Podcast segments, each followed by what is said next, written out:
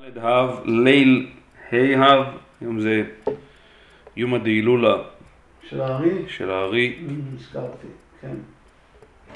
שמרת אז הזכרתי. שאין לנו מושג. שיהיה לנו בכל זאת היום קצת כמה מילים, קצת... אה, אני לא יכול להתאפק. אתה עושה בסכיני חריף שעשיתי את זה, עם המון פחד בהתחלה, אבל רבות בשנים כבר. ואני שלם עם זה, כמעט שלם עם זה.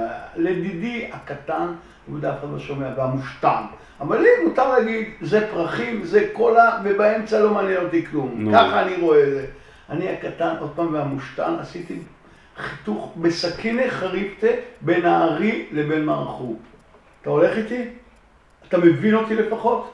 אין לנו בכלל כל ה... אני שואל אם אתה מבין אותי. אני לא יודע, כל מה שקורה, כל- אין- איזה- ארי שזה לא מערכו יש לנו. אה, בסדר, אף על פי כן. קודם כל, יש! מה יש? אתה יודע, בדיוק כמוני שיש, אבל עזוב, אולי גם... מה? יש מתלמידים אחרים. כן, כן, הפאנו והסרוק, אבל לא. לא לא בגלל זה עסקתי. פנו וסרוק הם לא היו תלמידים. אבל, אבל... אני לא רוצה להיות. חריף, כי אני באמת גם לא מתכוון. נו. נשבע שאני לא מתכוון. אבל אני יכול לעשות סכין לחריפתא בן אלישע למשבק גיא חזי. חלילה, לא, אני לא באמת מתכוון. אבל אין לך שום עדות, תבין אותי אין לך, יותר. אין לך, בסופו של דבר, מה שיש לך מהארי זה לא משנה. רוב לא מניין. רוב רוב מניין או בניין מה שיש זה מהארי זה... נכון, זה נכון, זה נכון. שיין, אז מה? שיין, רבי יצחוק פוסח, האישיות אחרת לגמרי. רבי יצחוק? פתח, מה? האישיות אחרת לגמרי, אתה מבין אותי? כן, זה אני מבין מה שאתה אומר. תמיד התקפתי על כן, המערכות כן, שלא מוצא כן, חן כן, בעיניי? כן, אני מבין. באמת אתה מבין? כן, כן, רב דוד, אבל אנחנו... רב דוד, בוא ננסה להתחיל בכבוד, משהו, בוא נתחיל ללמוד משהו היום. אנחנו נרצה אני אקרוא, אני אקרוא מדרש איכה, מדרש איכה בפתיחתא. או, שולם עליכם, דברים שולם כאלה, עליכם. התבטאנו באמת בגללי, שולם עליכם. בגלל הרוע שלי. אתה שומע? איך? בגלל הרוע שלי, היום אנחנו- ולכן רק עכשיו זה מתחיל. כן, אני רוצה- גם באמת קצת אה, לדבר על המלחמה. אחרי שדיברנו על המלחמה והבנו שיש כאן חרפה כיסתה כלימה פנינו, על זה שאחיך יצא למלחומו, זו בעיה קשה מאוד בעניין הזה. דיברנו על העניין הזה, אחיך יצא למלחומו זו בעיה קשה מאוד. מה אפשר לעשות? מה, מה, איך אפשר בכלל לתפוס דבר כזה, מצב של אחיך יצא למלחומו?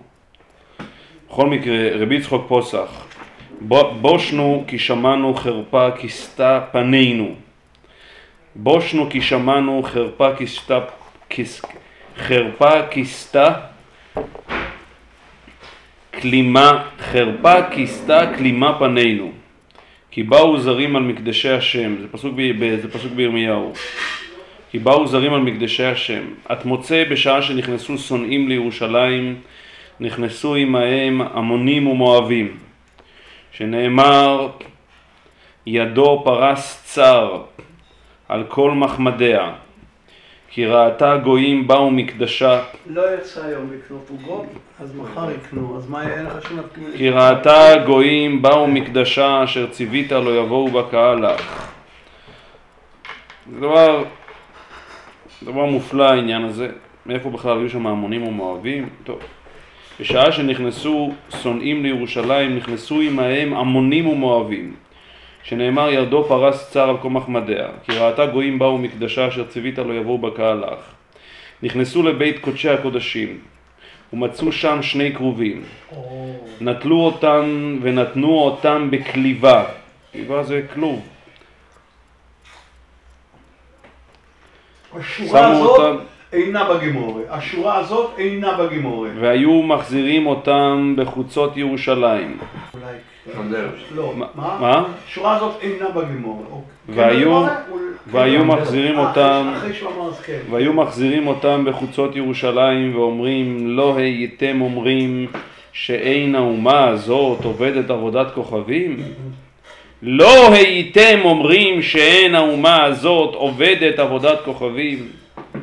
ראה מה מצינו, מה מצינו להם, תראו מה, מה מצאנו להם, ומה היו עובדים? אה כל אפין שווין, אה כל אפין שווין, מה זה המילה הזאת? אה, מה? כל אפין, ש- הכל אפין שווין, מה כל אפין שווין הכוונה? בסופו של דבר סדנא דהרא חדו. אה, אנחנו זורני. או, גם בדיוק, אתם הבוידי או. כלשון, הגמרא במקום אחר, הללו עובדי עבודה זרה והללו עובדי עבודה זרה, רחמנא ליצלן. הפין- הללו, הפין ראה- זה אף, רגע, הפין רבים של אף. פנים. פנים, כל כל הפנים שווים. הבנתי, הבנתי. אנפין, אנפין. יש פה. כתוב הפין, אבל זה הפין. אה, הדאו דכתיב יען, אמור, מואב ושעיר, הנה ככל הגויים בית יהודה. באותה שעה נשבע הקדוש ברוך הוא שמקעקע ביצתן מן העולם, שנאמר לכן חי אני נאום השם צבאות אלוהי ישראל כי מואב כסדום תהיה ובני עמון כעמורה. כיוון שחטאו גלו וכיוון שגלו התחיל ירמיהו מקונן עליהם איכה. ש- טוב.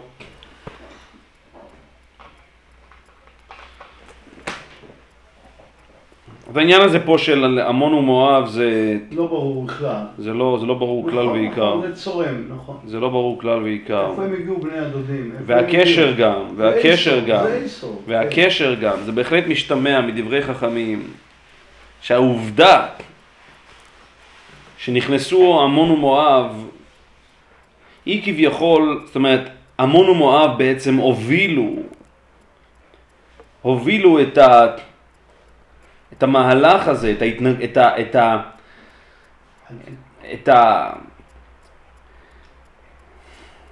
את- אמירת הביזיון. את ההתנגדות הזאת. את תנועת הביזיון. את ההתנגדות הזאת, התנועה הזאת, כן, של, של נכנסו, הרי בשביל להיכנס לבית קודשי הקודשים אין צורך לייבא את עמון ומואב. ובהחלט פה משתמע על מיני ובי במאמר חכמים, שהעובדה שעמון ומואב נכנסו, היא זו שבעצם יצרה את המצב הזה של חרפה כיסתה כלימה פנינו, כי באו זרים על מקדשי השם. איסו בלבד, הוא לא היה יוצר את הביזיון? זאת אומרת, בדיוק, זאת אומרת- איסו, שהוא באמת נכנס, רומא, לא היה יוצר את הביזיון? קודם כל, אנחנו, בטח פה, פה אנחנו מדברים על בבל, כן, כן, אני פה אנחנו שואל. מדברים על בבל, רומא זה כבר בית שני, פה אנחנו מדברים על בית אה, ראשון. הוא מדבר על בית ראשון. אז- אז- ירמיהו יכול לעשות שירמיהו הוא בית ראשון. מדברים, מדברים על בית ראשון, אה, התבלבלתי. מדברים בגלל על בית ראשון. פרס את הפרוכת ו- ו- ו- והביא את הזונה, התבלבלתי, התבלבלתי, ודאי, כל...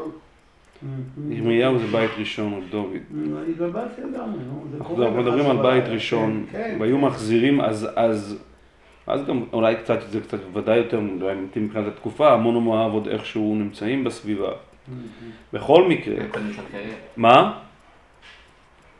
בית שני בוודאי שהמון ומואב כבר, אה, מה הם לא, הם שערבב, לא, כן? כן, ערבב, נכון. Mhm. בבית שני בוודאי שהם כבר, אה, אוקיי. הם לא ממין העניין בכלל. בכל מקרה, הנה, עץ יוסף באמת אומר, בחורבן בית ראשון מדבר קרא. כן, מדגיש את זה, אבל כשהוא נכנסו עמהם המונים ומואבים, אז הוא מדגיש שזה, שזה בית ראשון. אבל הגמרא מביאה פסוק אחר, לא זכרתי מה. איזה, איזה פסוק באמת הגמרא מביאה? לא. כל, על זה, על, על זה? על הדבר הזה. על זה או על, על, או על, זה קרובים, או על קרובים, טיטוס? קרובים זה לא, על טיטוס. קרובים. זה על טיטוס. זה גמרא אחרת, זה על טיטוס, ראו כרובים מעורים זה לא, בזה. לא, לא, לא, לא. מה? לא. כתוב על טיטוס, זה זה כתוב על זה גם... בסדר, לא. זה זה- זה לא ראייה. הגמרא דורשת, זה כתוב על טיטוס. זה. כתוב על טיטוס, זה גמרא במסכת יומא. כן. זה כמו על מסכת טיטוס. יומא. זה לא, זה לא, לכן התפלא, אני... למה שבית שני לא? כן, זה- זה זה זה- לא- זה מדובר דווקא שני. תביא גמרא במסכת יומא. אתה לא תמצא אפילו בשעה, אבל נו, בבקשה. אתה לא תמצא, הכל קרוע. ביום הזה הכל קרוע, למדתי איום פעם, נו. למדתי חברוס איום עם נו, לא יהיה לך שלם. אני אומר לך שלמדתי עם שימן חברוס איום ש- שנה שלמה. נו, אז תן לי, אני אביא לך איום אחרת, נו, מה הבעיה? מה אכפת לך איזה איום? רגע, רגע, סבלנות, אני מכיר את זה כבר, את המקום שלנו. אוי, אוי, אוי, אוי, אוי, אוי, אוי. איום. בנ"ד, נ"ד אני חושב. כל, אני חושב גם, אני, היה לי אקסל לשון, רק הוא... מה?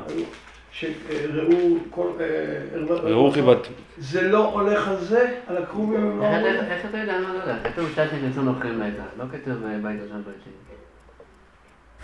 שעת שנכנסו נוכחים להיכל, ראו קרובים מורים לבזה, יוצאים לשוק, ואמרו ישראל על זמרתם ברכה וקהילתם ולא יעסקו דברים עליו, ומעט זנות ומרבה זנות. לא בגלל שהיו אומרים זה וזה?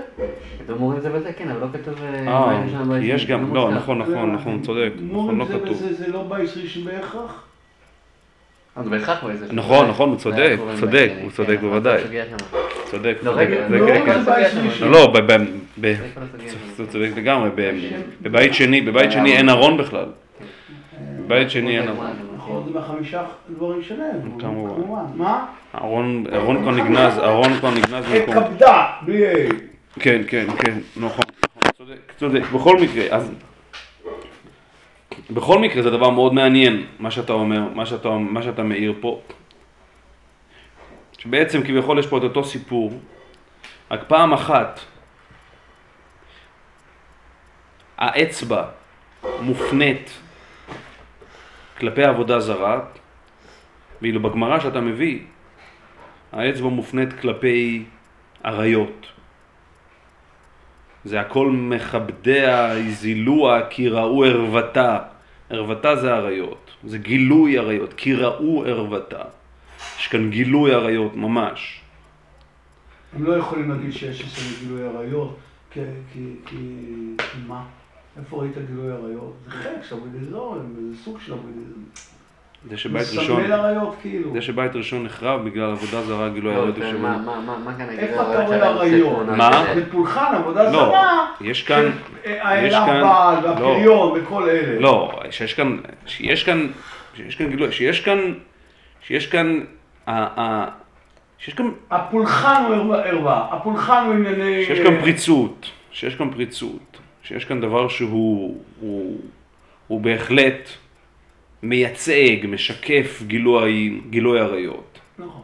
יש כאן בהחלט, אז זאת אומרת, האצבע מופנית כלפי, אני מסכים איתך, לא גילוי עריות, במובן ההלכתי של גילוי עריות, אלא גילוי עריות במובן הסימבולי של... סימבולי בדיוק. של גילוי עריות. נכון. וזה, וזה, וזה, דבר, וזה דבר מעניין עד מאוד. וזה דבר מעניין עד מאוד.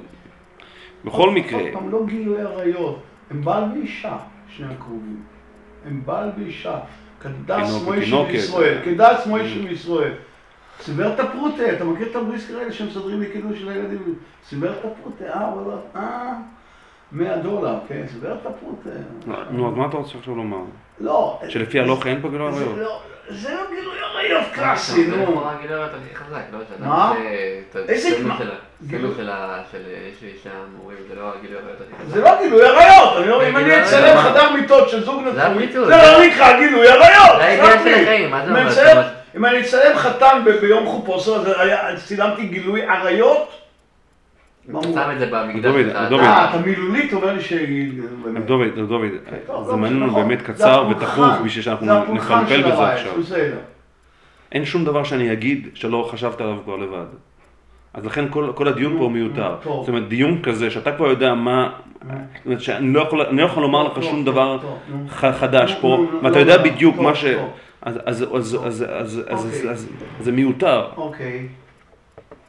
זה בהחלט גילוי עריות.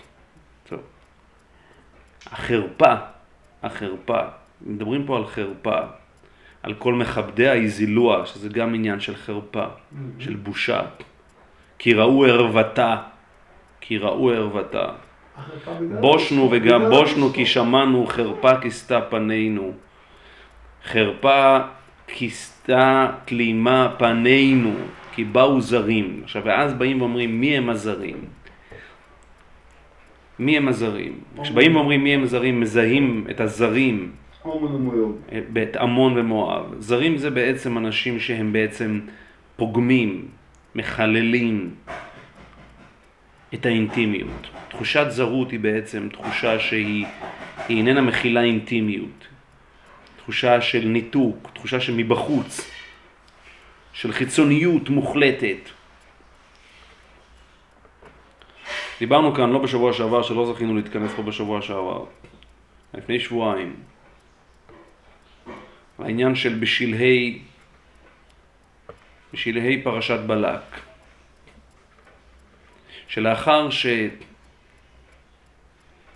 שבלעם מברך, שבעצם תמצית עניין הברכות, זה הייחודיות הפרטיקולרית, המסוימת של העם היהודי, שעליהן העם לבדד ישכון ובגויים לא יתחשב, שלמד טוב הוא אוהליך יעקב משכנותיך ישראל, שאין פתחיהם מכוונים זה לעומת זה, זה כנגד זה.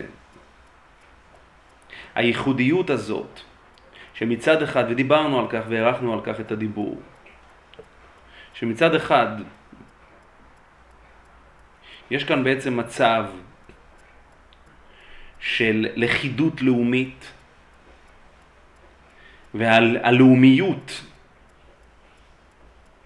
היא, מיוח... היא, היא, היא מאוד מאוד נוכחת, העוצמה הלאומית, הרוח הלאומית. מתכונת הקיום הלאומית נמצאת בתפארתה, בצורה האידיאלית והמכוונת שלה. ועדיין, ועדיין שעם כל זאת, מה טוב הוא אוהליך יעקב, משכנותיך ישראל. זאת אומרת, ודיברנו על העניין הזה של ולא יראה בך ערווה, לא יראה בך ערוות דבר ושב מאחריך. והיה מחנך קדוש.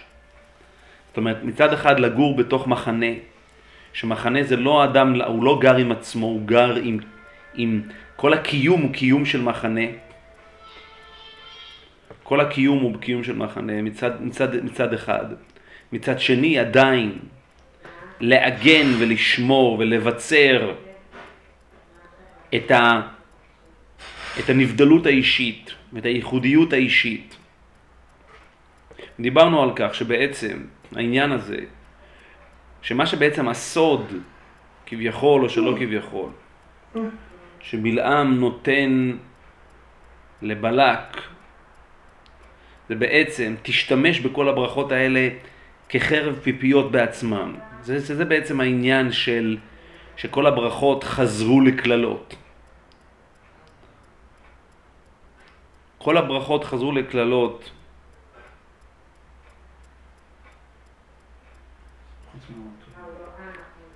בשביל, תשתמש בעצם בכל הברכות כולם בשביל לפגוע במה? במה טוב הוא אוהליך יעקב משכנותיך ישראל.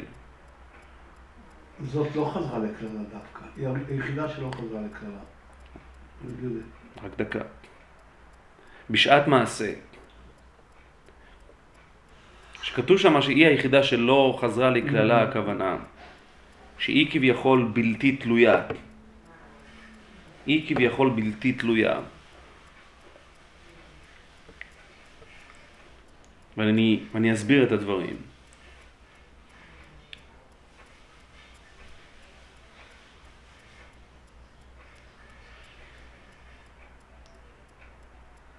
אם ישנו דבר, אם ישנו, אם ישנו כתוב ש... מייצג בצורה החריפה ביותר את האנטיתזה למה שבעצם מתחולל בשלהי פרשת פנחס, אה, אה, בלק. בסיפור הזה של בנות מואב, זה העניין הזה של מה טוב הוא עליך יעקב משכנותיך ישראל. בסיפור ההוא של זמרי בן סלוט ו... וכוזבי בצור. זה סיפור שהוא האנטיתזה המוחלט למה טוב הוא עליך יעקב משכנותיך ישראל. אם במה טוב הוא עליך יעקב משכנותיך ישראל אנחנו מדברים שהפתחים אינם מכוונים זה כנגד זה. כאן אנחנו מדברים שהדבר בעצמו הוא קבל עם ועולם. ושם בחרפה ההיא, שכפי שדיברנו, החרפה ההיא, היא ה... זהו המצב שלא, אין, עליו בעצם תשובה, הביבים של המצב הזה, התחתיות, השפל, החרפה של המצב הזה. אין כנגדו תשובה. חוץ מאשר תשובה אחת, שעוד ש, ש, שנתייחס אליה. המצב הזה הוא מצב שיש לו שני מאפיינים של חרפה. יש לו מאפיינים של בעל פאור, שזה עבודה זרה, וזה לא בכדי. תוך כדי הם נצמדים לבעל פאור. בעל פאור בדייקה ובעל פאור יש לזה גם אלמנט של חרפה, כפי שחז"ל מתארים את הפולחן של בעל פאור, שגם הוא, יש לו איזושהי קונוטציה מינית. והדבר השני זה הגילוי עריות במובן הקשה והמחפיר ביותר. והשיא מגיע בסיפור של זמרי ובסיפור של, של, של זמרי וכוזבי. בשם האישה ושם האיש, מהפסוק טורח לתת, לתת להם שמות.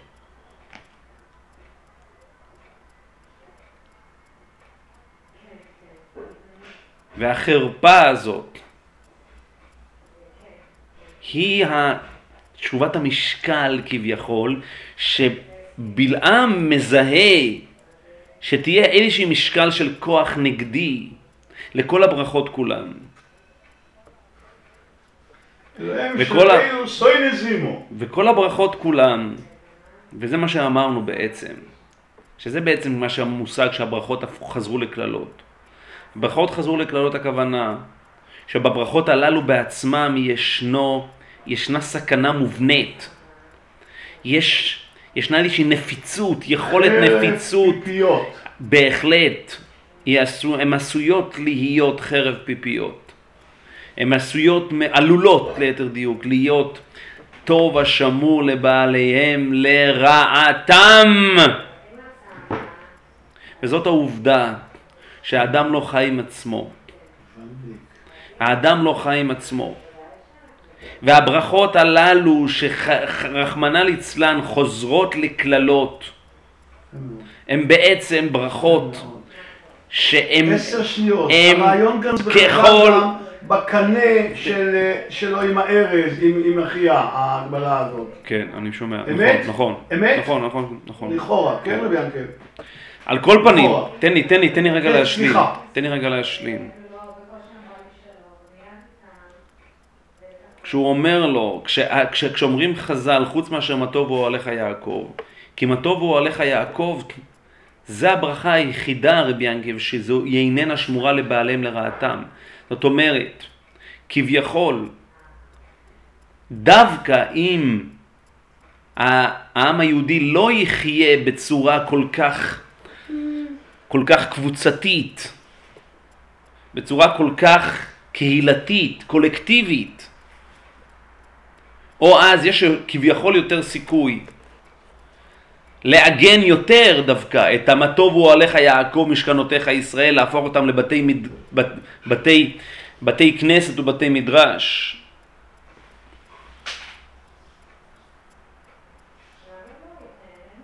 המעשה של בנות מדיין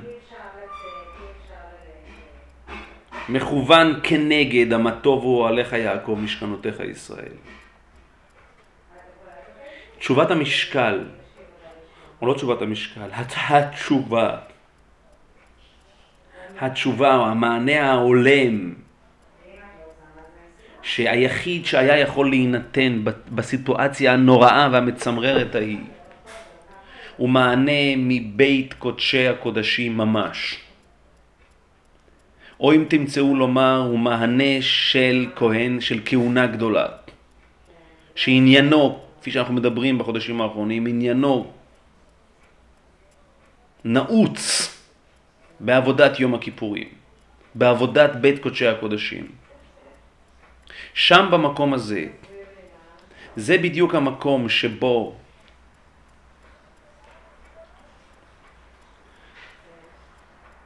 העוגן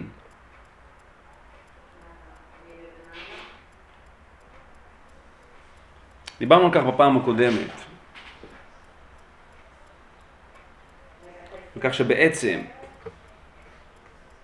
המצב החשיפתי הזה, המצב של החרפה הזאת, זה בעצם, זה בעצם המצבו של האדם קודם גירושו.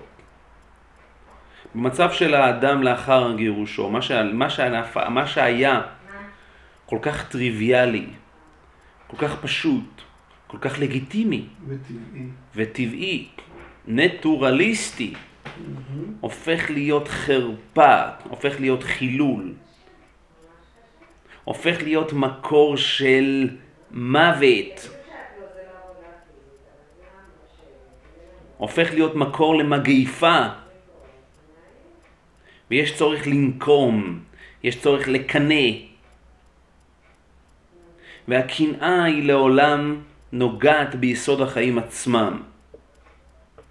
יש משהו בבסיס של החיים, בבסיס, בבסיס העמוק המוסרי שלהם, בתשתית המוסרית האלמנטרית ביותר של החיים, שנפגעת כלפי, כלפי, כלפי זה מכוונת הקנאה.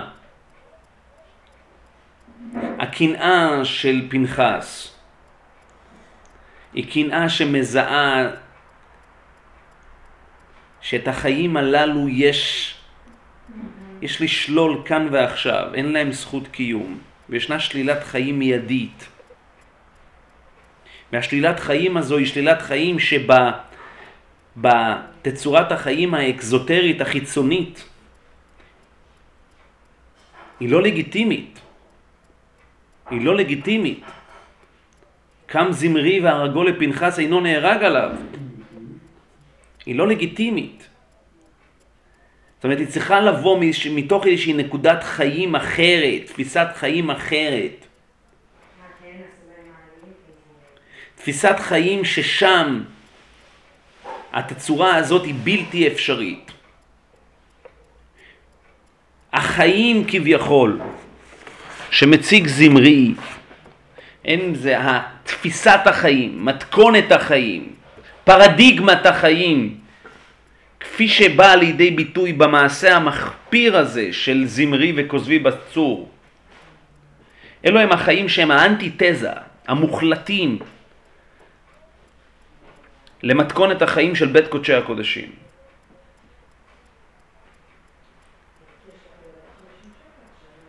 נקודת העוגן של החיים הופכת להיות כולה אזוטרית. כולה אזוטרית. המקום שאין בו, אין בו שום נגיעה של טומאה, שום נגיעה של מוות, שהוא עצם החיים עצמם, הפיזיים. המקום שבו בעצם ההתניה המובנית הזאת בין האדם לבין החיים, בין החיים לבין האדם איננה קיימת. ההתניה המובנית בין המה לבין הלמה, בין הטמא והטהור לבין האסור והמותר. האדם לאחר גירושו אין לו טמא וטהור, יש לו רק אסור ומותר. הטמא והטהור שיש לו זה רק עד כמה שהוא מצטרף אל המקום ההוא ששם יש רק טמא וטהור. רק טמא וטהור. באסור והמותר אי אפשר להרוג את, אי אפשר להרוג את זמרי. רק בטמא ובטהור אפשר להרוג אותו. כל העם בוכה. הבכי על זה שאין בעצם יכולת להזדקק אל המצב הזה. משה רבינו לא, בעצמו לא יכול להכריע פה. האסור והמותר לא יכול לתת את הדעת, את שיקול הדעת, את ההכרעה ביחס לסיטואציה המזוויעה הזאת. רק התייחסות שהיא כולה מבית קודשי הקודשים, התייחסות שהיא כולה טמא וטהור. התייחסות של עצם החיים בתצורתם היותר אינטימית. אין מקום שהוא יותר מה טוב הוא אוהליך יעקב משכנותיך ישראל מאשר בית קודשי הקודשים.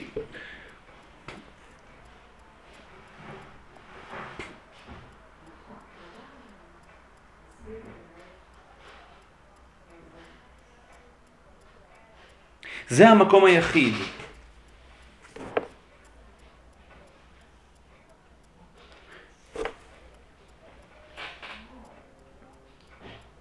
שיש הלימה מוחלטת בין המסמן לבין המסומן, בין הגילוי לבין הפנים. או אם תמצאו לומר, המקום היחיד שיש בו הערת פנים, גילוי פנים.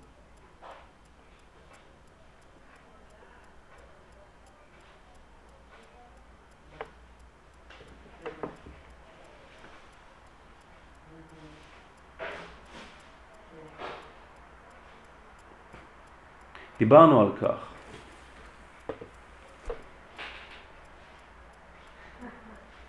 שבעצם עניין העבודה זרה.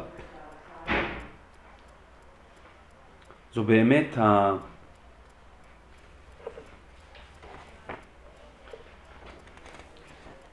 ההתייחסות שיוצרת הלימה מוחלטת בין מסמן לבין מסומן, בין האידאה המסומנת למסמן הקונקרטי. זה בעצם עניין של עבודה זרה. דיברנו על כך, הארכנו על כך את הדיבור.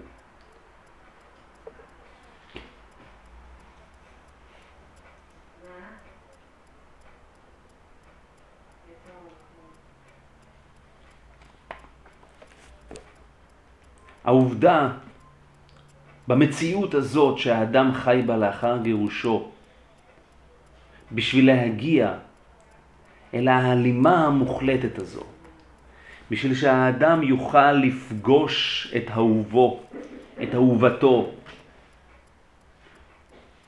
ונדבר על כך, וידע האדם. הוא זקוק להתבדלות מוחלטת מהמציאות הטבעית שהוא חי בה. במציאות הזאת אין מציאות של גילוי פנים.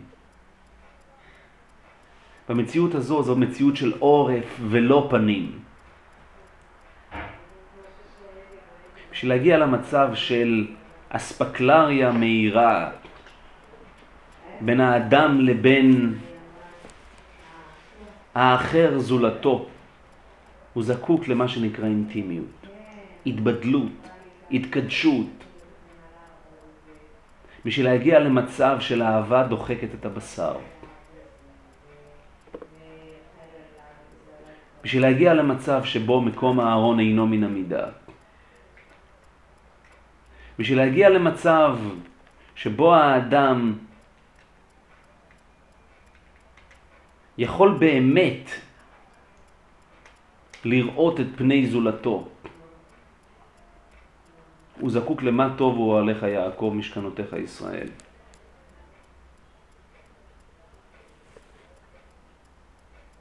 מה שמאפשר את זה, הארכיטיפ הגדול של ההיתכנות הזאת,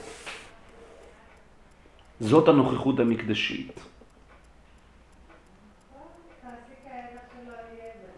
הנוכחות המקדשית מאפשרת להפוך את האינטימיות למשהו שהוא נוכח כאן ועכשיו, לאפשרות זמינה, לאפשרות מציאותית. לאפשרות נוכחת. היכולת לגעת בעצם החיים במובנם המתמזג המלא. זה אקס טריטוריאלי כמו טרום חטא, כביכול. נכון מאוד. הבנתי את זה, גוואלדיק ממש. וכשבאים חכמים ואומרים שמיום, שמיום שחרב בית המקדש, מיום שחרב בית המקדש, ניטל טעם ביאה וניתן לעובדי עבודה זרה, וניתן, וניתן ל... כן, כן, עובדי עבירה. וניתן, וניתן לעוברי עבירה. סוף סויטה. עוברי העבירה זה זמרי בן סלו. זה עוברי עבירה. הביאה של עוברי עבירה שעליהם, ש... עליהם מדברים חז"ל.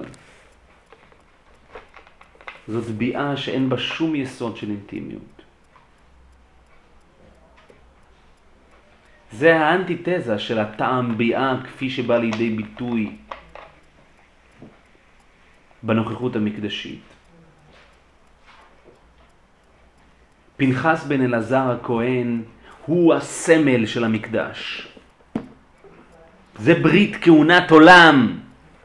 הוא גם זה שיבשר על חזרת המקדש. זו ברית כהונת עולם, הוא זוכה לחיי, לעצם החיים, יש לו זכייה בעצם החיים. כביכול הוא אפילו סוג של בן על מוות. איפה הוא מוותר המקדש? לא הבנתי. מבשר אמרתי. אה, סליחה. לא מוותר, אוקיי. פנחוס הוא עליון. ניחשת נכון. מה? מהגן של ציפורה, כן. הכל משם, כן. הוא, יש לו זכייה בחיים עצמם. הוא זוכה לדבוק באילונת דחיי. בעצם החיים עצמם.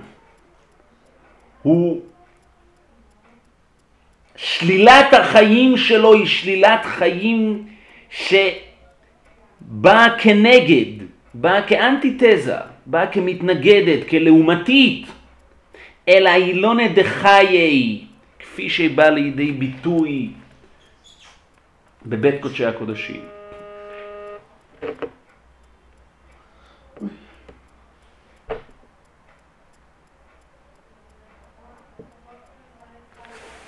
אני רוצה לקרוא עוד, עוד מאמר פה, בפתיחתא של האי- של האיכו.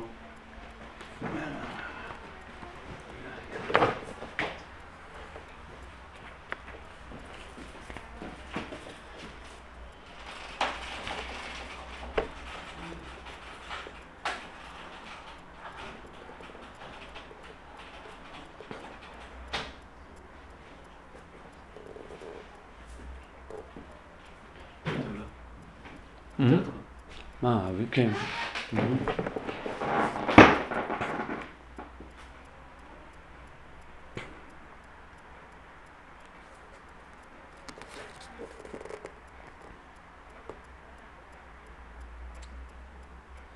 אמר רב סימון, יום שנזדווג נבוכדנצר לישראל.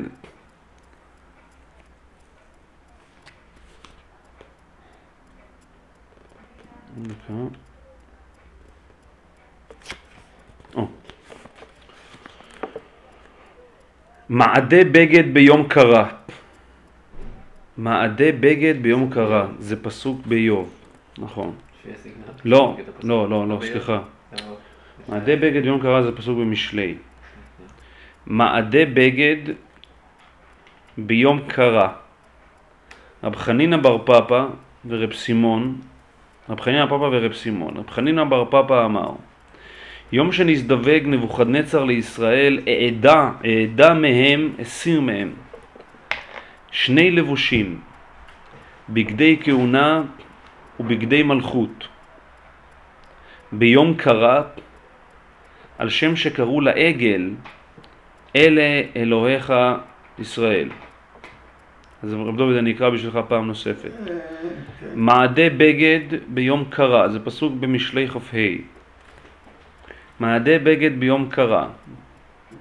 רב חנינא בר פפא ורב סימון. רב חנינא בר פפא אמר, יום שנזדווג נבוכדנצר לישראל, אעדה מהם שני לבושים, בגדי כהונה ובגדי מלכות. ביום קרה, על שם שקראו לעגל, אלה אלוהיך ישראל. איך העגל נכנס פה, ומה זה יום קרה?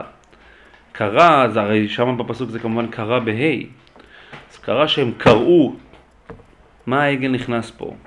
גם מה זה גם יום שנזדווג, הלשון הזו, יום שנזדווג נבוכדנצר לישראל.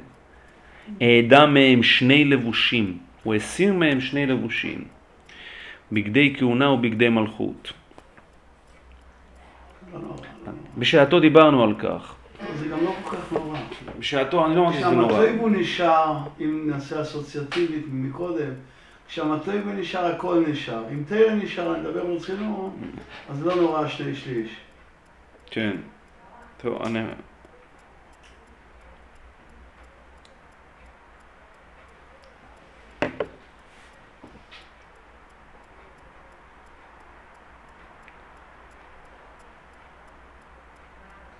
בשעתו דיברנו על כך, שהעניין של בגדי מלכות, גם דיברנו גם על בגדי כהונה וגם על בגדי מלכות.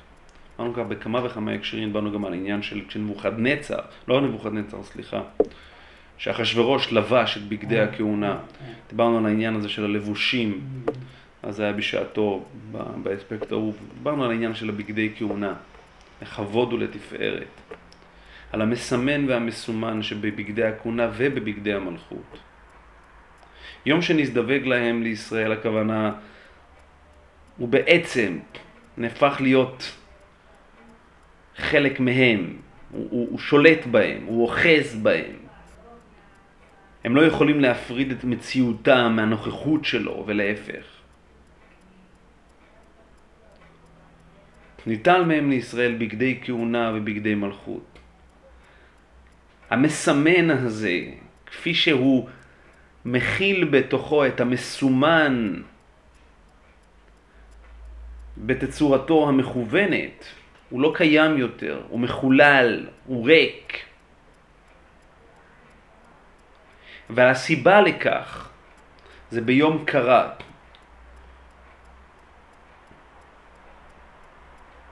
על שם שקראו לעגל, אלה אלוהיך ישראל. וגם על כך דיברנו והרחבנו את הדיבור, שבעצם הרע, בעצם חוסר היכולת של העם היהודי לתפוס את המסומן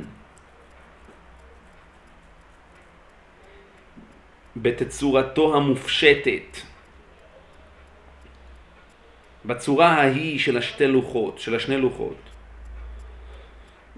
והם נזקקו לאלה אלוהיך ישראל, אל המסמן הקונקרטי הזה.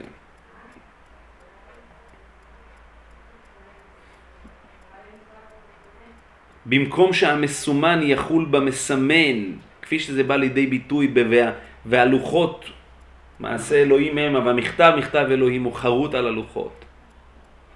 המכתב חורט את עצמו על הלוחות. בעצם הניסיון לכפות על המסומן את המסמן, לקחת עגל ולהגיד לו, אלה אלוהיך ישראל. לראות בו כמסמן. יש כאן מין איזשהו סוג של כפייה של המסמן על המסומן. לקחת שום דבר. לקחת בול זהב ולה, ו, ו, ו, ולעשות אותו למסמן ולקוף את המסומן לקבל את המסמן הזה. זאת אומרת, חוסר היכולת, חוסר היכולת, זה, זה בעצם תמצית ההבדל. דיברנו על כך, שתמצית ההבדל בין עבודה זרה לבין המונותאיזם המוחלט, כפי שבא לידי ביטוי בגילוי של עשרת הדיברות, של מעמד הר סיני, ודיברנו על כך שזה בעצם מעמד, המעמד, המעמד בעצמו הוא הגילוי המונותאיסטי של אנוכי השם אלוהיך אשר הוצאתי לך ממצרים, לא יהיה לך אלוהים אחרים על פניי, לא תעשה לך פסל וכל תמונה. שבעצם הגילוי כופה את עצמו על המציאות. אש אוכלה, וההר כולו בוער באש. הגילוי, המופשטות, כופה את עצמו על המציאות. המסומן כופה את עצמו על המסמן. עבודה זרה זה בדיוק להפך, אתה יוצר מסמן ואתה כופה את המסומן לקבל כביכול, אתה הופך את המסמן להיות נקודת המוצא, שזה בדיוק מה שהיה בעגל. הם לא באמת חשבו שאלה אלוהיך ישראל שהוצאתי לך מארץ מצרים, רק הם פשוט הפכו את המטבע.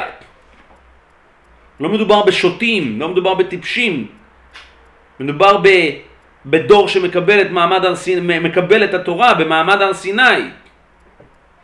הם כופים את המסמן, הם כופים, סליחה, את המסומן לקבל את המסומן.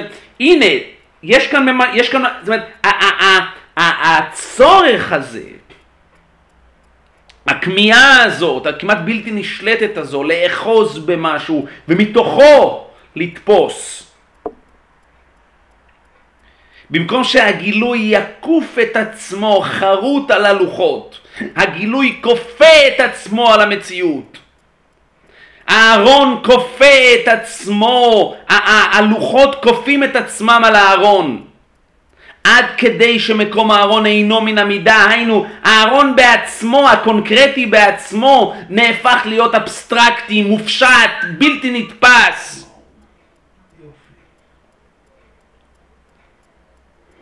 יש כאן כפייה, המסמן נכנע, המסמן מצטרף, המסמן מגיע אל הארון מתוך מקום של פישוט הגשמיות, של ניתוק, של יחס כמעט לא קיים אלא קונקרטי ביום הכיפורים. אנחנו מגיעים אל המקום הזה כ, כמלאכים, כישויות מופשטות, לא כישויות קונקרטיות. האהבה דוחקת את הבשר ולא הבשר דוחק את האהבה, שזה בדיוק טעם הביאה של עוברי העבירה. ההבדל בין טעם הביאה קודם החורבן לטעם הביאה לאחר החורבן, שבטעם הביאה לפני קודם החורבן האהבה דוחקת את הבשר, ובטעם הביאה לאחר החורבן הבשר דוחק את האהבה. האהבה דוחקת את הבשר, הכוונה שהבשר בעצמו נהפך להיות מופשט, אבסטרקטי. זה לא מפריע שיש בשר. הוא מופשט. להפך, דרך הבשר האהבה מתממשת. הבשר הוא עצם החיים מתוך, מתוך היכולת שלו להצטרף ולהפך להיות ממש בשר אחד, פשוטו כמשמעו, עם, עם הגילוי של האהבה. שהיו קוראים אלה אלוהיך ישראל.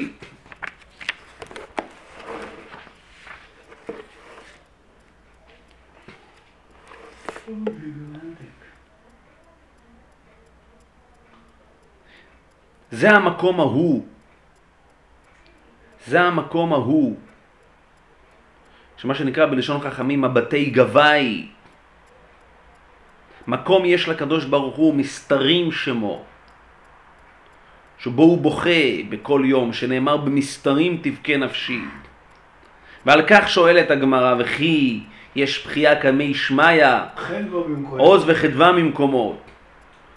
אה בבתי גבאי או, בבת, או בבת, בבתי בראי. באשר ומיוחנן מחולקים כמובן. נכון. Mm-hmm. אבל אנחנו לומדים שהבתי... בוכה? בבתי גבאי. שם הוא בוכה. בבתי גבאי שם יש את הבכי. החורבן הוא החורבן של הבתי גבאי. של המטוב הוא עליך יעקב, זה החורבן בעצמו. של המטוב הוא עליך יעקב משכנותיך ישראל. זה מה שנחרב, זה הציון שדה תחרש. זה המקום שבו שועלים יוצאים בו, מהלכים בו. המקום שנאמר... הקדוש ברוך הוא בוכה שם ומקים וצוחק. המקום, עוד רגע, זה בדיוק המקום שעליו נאמר והזער הקרב יומת. זה וכנגד זה יש לנו כאן, ועוד רגע נחזור לזה, באו זרים, כי באו זרים על מקדשי השם, מקום, הזרים מכוונים כנגד המקום הספציפי הזה של והזר הקרב יומת. שם יש בכי, שם החכמים בוכים.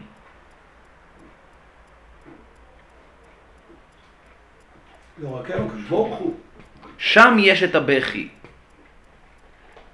על זה בדיוק, על זה היה דווה ליבנו, על אלה חשכו עינינו. אין יכולת לראות את המסומן, המסומן לא קיים יותר, הוא לא נראה יותר, הוא לא יכול להתגלות יותר.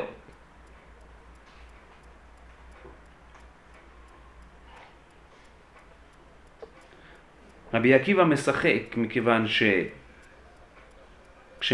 כשהבתי גבאי הללו הופכים להיות לחלוטין בתי בראי. הוא יודע שיום יבוא והבתי בראי יהפכו להיות לחלוטין בתי גבאי. שהיא תתקיים הנבואה של אוריה של עוד ישבו זקנים וזקנות ברחובות ירושלים וילדים או ילדות משחקים ברחובותיה שזה בתי גבאי. של עוד יישמע בערי יהודה ובחוצות ירושלים, חוצות ירושלים, לא בתי ירושלים. אנחנו יודעים שכל המשמח חתן וכלה כאילו בנה חורבה מחורבות ירושלים. חור... לבנות חורבה מחורבות ירושלים הכוונה לקחת מקום שהיה חורבה, זה מקום שהיה בו, בו פעם אינטימיות, היה בו פעם, היה אפשר לקרוא בו מה טוב הוא אוהליך יעקב, משכנותיך ישראל, ונהפך להיות פרוץ. זה בעצם עניין של חורבה. הוא התחלל, הוא נהפך להיות בראי. אז מי שמשמח חתן וכלה, מי שתורם לאינטימיות ביניהם, הוא בונה חורבה מחורבות ירושלים. משהו מהאינטימיות שירושלים מביאה, מבשרת לעולם. נסגר, נשלם.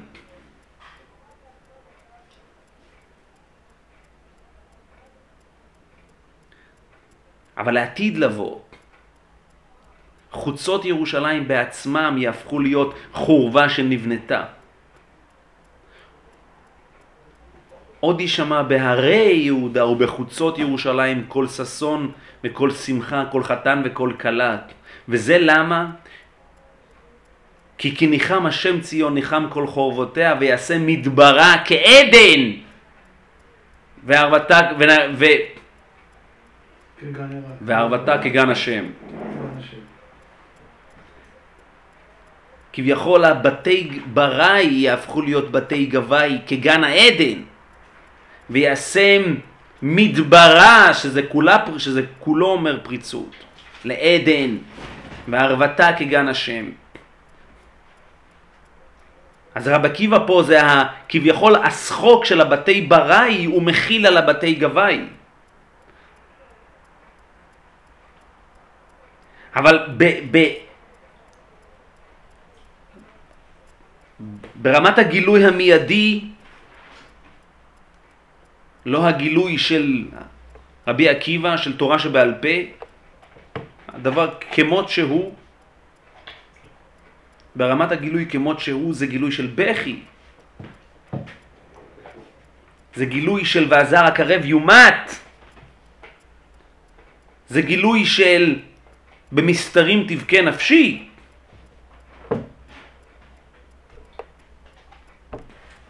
אז רבי יצחק פתח, בושנו כי שמענו חרפה כיסתה כלימה פנינו. חרפה כיסתה כלימה פנינו. הפנים בעצם התחללו. הפנים בעצם מאבדים את, המסומ... את גילוי המסומן שלהם. האופן שבו חוכמת אדם תאיר פניו לא קיימת יותר. הגילוי פנים אל פנים. האופן שבו הגילוי כופה את עצמו על הפנים, על, ה, על הפנים עצמם, הפיזיים לא קיימים יותר, זה חרפה, כיסתה, כלימה פנינו. וזאת למה?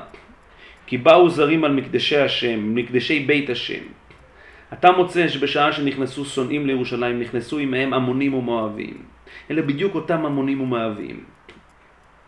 שעליהם נאמר לא יבוא עמוני ומואבי הם לא יכולים להיכנס בקהל השם.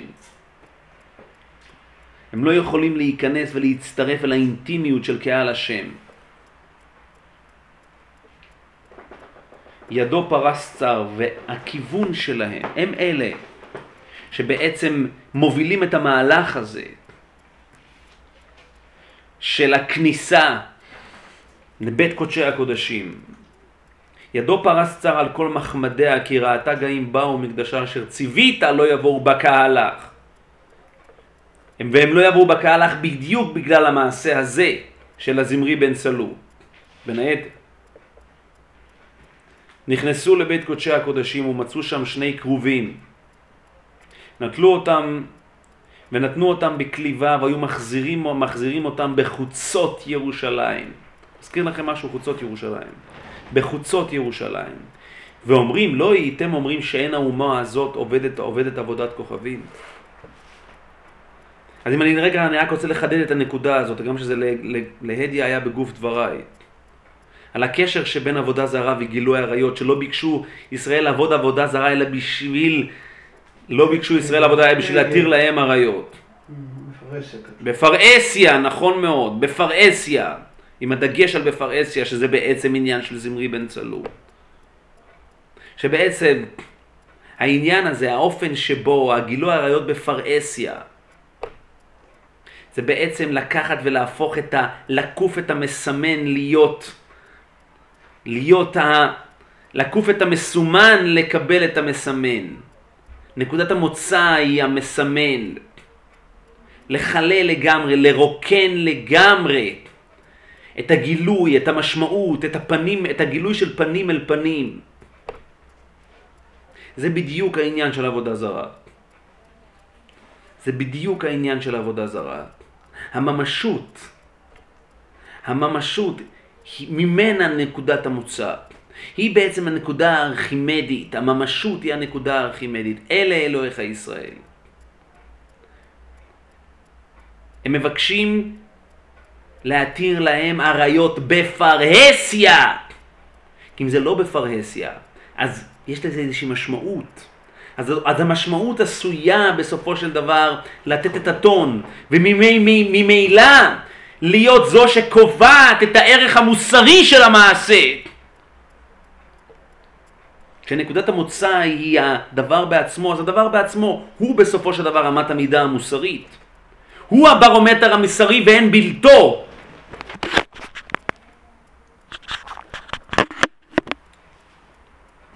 אז הם באים ואומרים, לא הייתם אומרים שאין האומה הזאת עובדת עבודת כוכבים? ראו מה מצינו להם, ומה היו עובדים?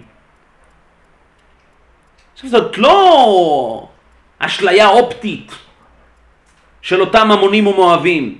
יש כאן טיעון, יש כאן ארגומנט, תראו. אבל כל ההבדל הוא הבדל אחד. האם זה בבית קודשי הקודשים, או שזה בחוצות ירושלים? זה מה שעושה את כל ההבדל. אם זה עבודה זרה, אני כבר לא מדבר על עריות. ההבדל בין העבודה זרה לבין המונותאיזם הצרוף, האם זה נשאר בבית קודשי הקודשים, או שמוליכים את זה בקליבה בחוצות ירושלים? הם לא צריכים לעשות כלום.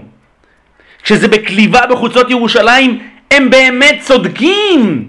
ולכן באה האומה היהודית ואומרת, כי בושנו, כי שמענו חרפה כי סתיו, כלימה פנינו. זה לא שאנחנו לא יכולים להתכחש לזה, כי זה בחוצות ירושלים.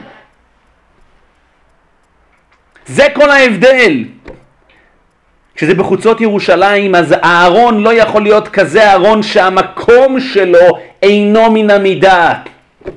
פתאום המקום של הארון הוא כן מן המידה. לכן בושנו. לך תגיד שזה לא נכון. אין, אין מה לטעון כנגד זה. אחרת מה זה הבושה? הם אומרים שאנחנו עובדים עבודה, הרי אנחנו יודעים שאנחנו לא עובדים עבודה זרה. איפה פה הבושה הנוראית? ושוב, הטיעון פה הוא טיעון של עבודה זרה. זה לא טיעון של מה שמופיע שם בגמרא. כל רואיה יזלוה כי ראו ערוותה. שכאמור זה מתחבר אחד לאחד, אבל כאן לפחות הטיעון הוא עבודה זרה. מכיוון שההבדל היחיד זה המיקום של הארון, האם הארון נמצא בראש כל חוצות או שהארון נמצא בבית קודשי הקודשים, זה מה שעושה את כל ההבדל.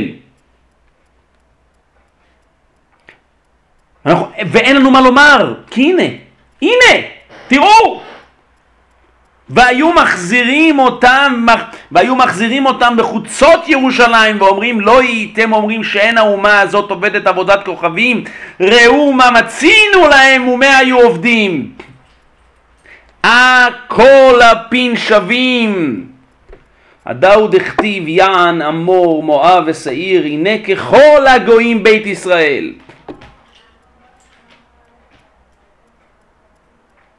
באותה שעה נשבע הקדוש ברוך הוא שהוא מקעקע ביצתן מן העולם, שנאמר לכן חי אני נאום השם צבאות, אלוהי ישראל, כי מואב כסדום תהיה, ובן עמון כעמורה. סדום ועמורה אנחנו יודעים מה זה.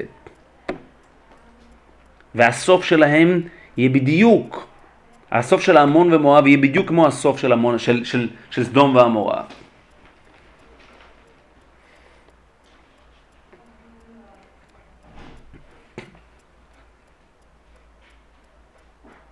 החורבן הוא החורבן של היכולת לשמור את הארון במקום ההוא. אין לארון קיום מחוץ למקום ההוא. לכן הוא נגנז במקומו. אין לו מקום אחר, הוא לא יכול לתפוס מקום אחר. הוא לא תופס, כשהוא תופס מקום אחר, אז ראו.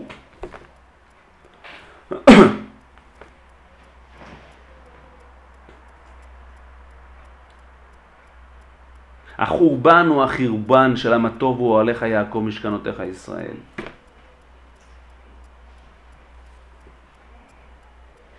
אבל העוגן של הגלות הוא דווקא העובדה הוא הזה, באופן פרדוקסלי, יש לו יכולת להתקיים בצורה עוד יותר בטוחה אפילו, דווקא בתקופת הגלות. דווקא בתקופה שבה כביכול כל הברכות האחרות חוזרות להיות קללות. דווקא במקום ההוא, שהאדם נשאר לבד עם עצמו, הבית נחרב בגלל גילוי עריות ושפיכות דמים. שפיכות דמים דיברנו על כך, זה השלילה של היחיד. אבל בהקשר מה שאנחנו מדברים עכשיו זה על השתיים האחרות, על, ה... על הגילוי עריות ועל עבודה זרה. שזה בעצם היינו הך. החרפה הזאת היא בדיוק גם החרפה של כל רואיה יזילוה כי ראו ערוותה, הם מעורים זה בזה.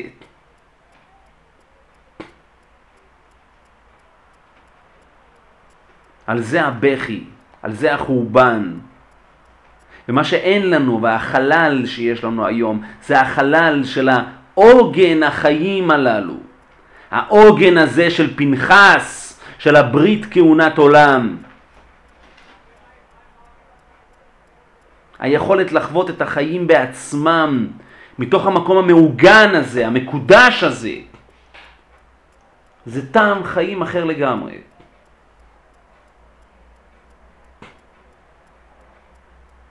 אני רוצה להגיד משהו. אנחנו נמצאים בימים של מלחמה ממש. בימים של יציאה למלחמה.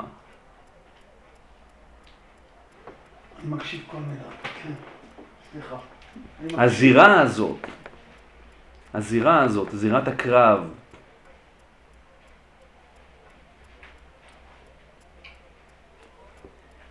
היא זירה כאוטית, היא זירה אנומלית, או במילה אחת פשוטה, היא זירה של מוות. היא לא זירת חיים, אין, אין זירה כזאת. זה לא שיש אדם שקם בבוקר, אחד הולך לעבודה בבנק, השני הולך למכולת, שלישי נוסע לאיפשהו, ואחרי, הרביעי נוסע למלחמה. כל אחד עם מקום העבודה שלו, מקום העיסוק שלו. אין עיסוק של מלחמה. זה מחוץ למסגרת החיים. זה מחוץ להוויית החיים בעצמה.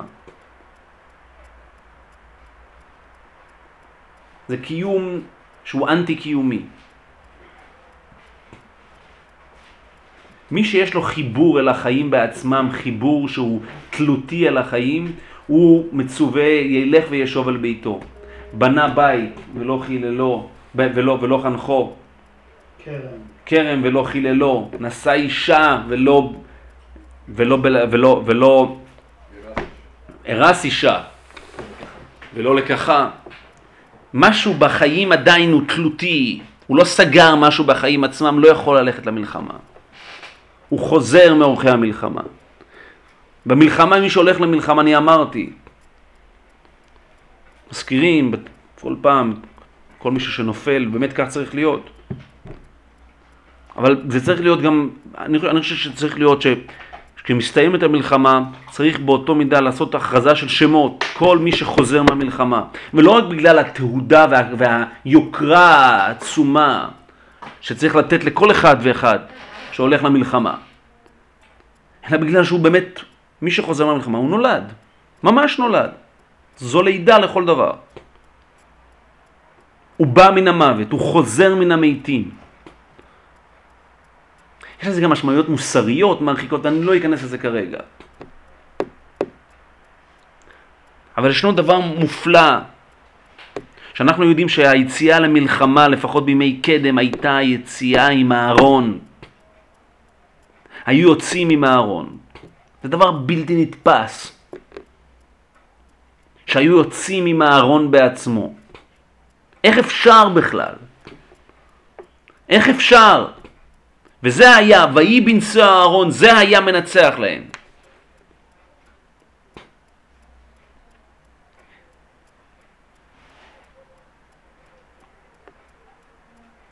כשיוצאים למלחמה אנחנו מאבדים את העוגן של החיים עצמם. כולנו. כולנו נמצאים במצב של מלחמה.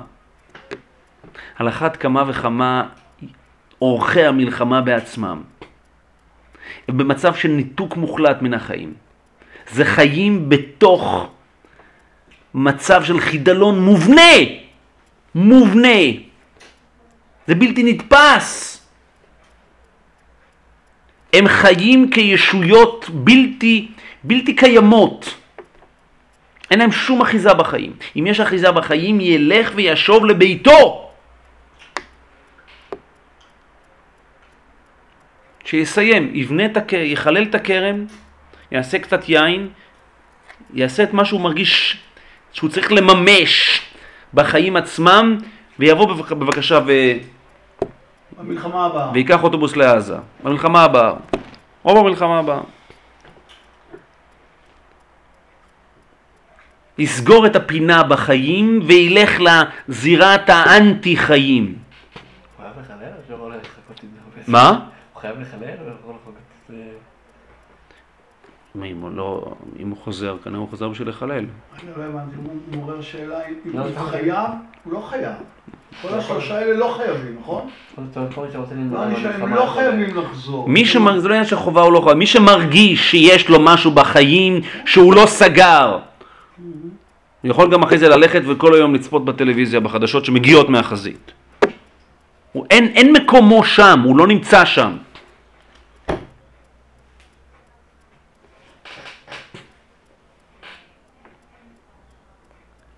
היכולת בתוך המצב הזה להגן ולדעת שיש לנו זכות בחיים עצמם. ויש לנו עוגן בחיים עצמם, יש לנו ביטחון בחיים עצמם. זה כשהארון נמצא שם. הארון הוא הקפסולה של החיים. הם, הם, הם נתלים בארון, הם נאחזים. הארון הזה נושא את נושאיו ונושא את כל אורחי המלחמה גם יחד. ויהי בנשוא הארון. קומה השם ויפוצו אויביך וינוסו משנאיך מפניך. משנאיך ואויביך הם אנשים שמאיימים על עצם החיים שלך. היכולת שלך למצוא עוגן בחיים עצמם זה דרך הארון. ולבטח את עצמך. לשמור את עצמך. ויפוצו אויביך וינוסו משנאיך מפניך, מפניך. זה הגילוי של הפנים. זה הגילוי של פנים ולא עורף, במקום חלילה עורף ולא פנים. לא. שב מאחריך, נכון מאוד, זה כבר עורף. מה, ש, מה שאנחנו זקוקים היום, יותר מתמיד, זה ה- הארון שנמצא שם. הידיעה שבסופו של דבר יש כאן ודאות בחיים עצמם. היכולת, היכולת שתהיה לנו את היכולת לקחת איתנו ארון. הארון נותן ברירות. יש ערפל, יש ערפל, לא רק, לא רק ערפל קרב, יש טשטוש. מה לעשות? מה הדבר הנכון לעשות? יש תהייה. יש את הערפל קרב במקום עצמו שאתה לא יודע מאיפה יבוא לך, מאיפה תקבל את הכדור פה, מאיפה תקבל את הנ"ט פה. אין לך שום, שום ידיעה, אתה לא יכול לדעת שום דבר, אתה פועל בזירה של אימה ופחד. ש... בזירה של מוות. קשה להגיד, אבל אלה שנופלים הם בסופו של דבר בסך הכל עושים את הצעד הקטן הנוסף. הם לא, הם לא מתו, הם פשוט נופלים שם. זה לא אחד מת מזקנה, השני מת מסרטן, השלישי מת ממלחמה, כל מיני צורות למות. מי שהולך למלחמה עובר מהחיים אל המוות.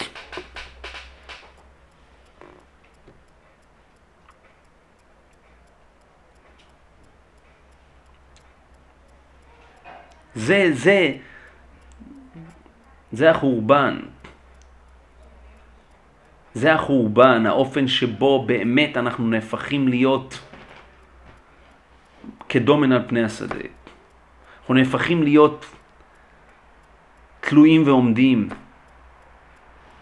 אנחנו נהפכים להיות חשופים. אין לנו את היכולת לאחוז.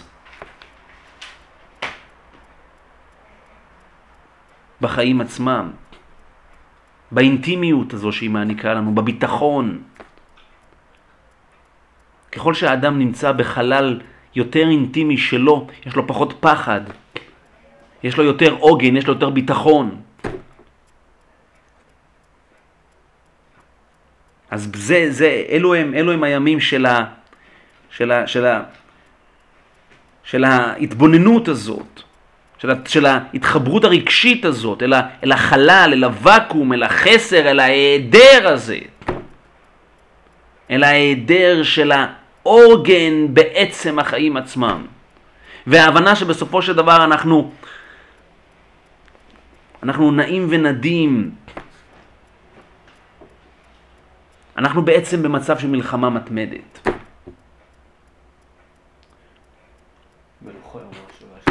ובנוחו יאמר שובה השם ישראל וכולי וכולי.